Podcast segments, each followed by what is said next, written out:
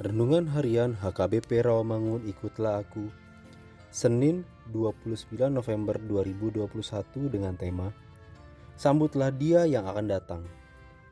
Bacaan kita pagi ini tertulis dalam Mazmur 90 ayat 1 sampai 17 dan bacaan kita malam ini tertulis dalam 2 Petrus 3 ayat 1 sampai 18 dan ayat yang menjadi renungan kita hari ini tertulis dalam Yesaya 40 ayat 3 yang berbunyi, Ada suara yang berseru-seru, Persiapkanlah di padang gurun jalan untuk Tuhan.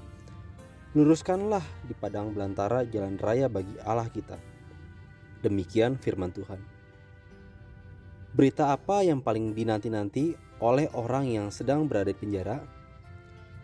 Berita bahwa masa hukuman mereka sudah selesai dan mereka akan segera bebas. Pertanyaannya, apakah umat Israel yang di pembuangan memiliki pengharapan bahwa satu hari kelak penghukuman Allah akan berakhir? Bagaimana kedua kitab Nabi Yesaya ini pasal 40 sampai 66 adalah kumpulan nubuat pemulihan yang Allah lakukan terhadap umatnya yang akan selesai menanggung hukuman karena dosa-dosa mereka. Pemulihan itu tidak hanya untuk kebebasan, tetapi untuk kembali menjalankan fungsi semula mereka, yaitu menjadi terang bagi bangsa-bangsa. Perikop hari ini merupakan nubuat pembuka bagi serangkaian nubuat kabar baik. Bagaimana merespon kabar baik itu?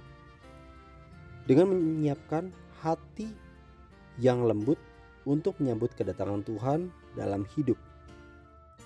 Bila orang bisa merespons kabar baik dengan hati terbuka, itu merupakan anugerah dan pekerjaan Roh Kudus.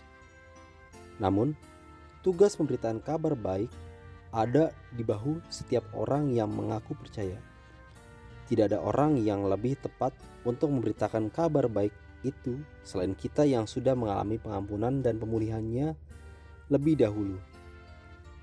Kitakah orangnya? Marilah kita berdoa. Ya Tuhan Yesus, buka dan persiapkanlah hati kami untuk menerima kedatanganmu sebagai juru selamat kami. Amin.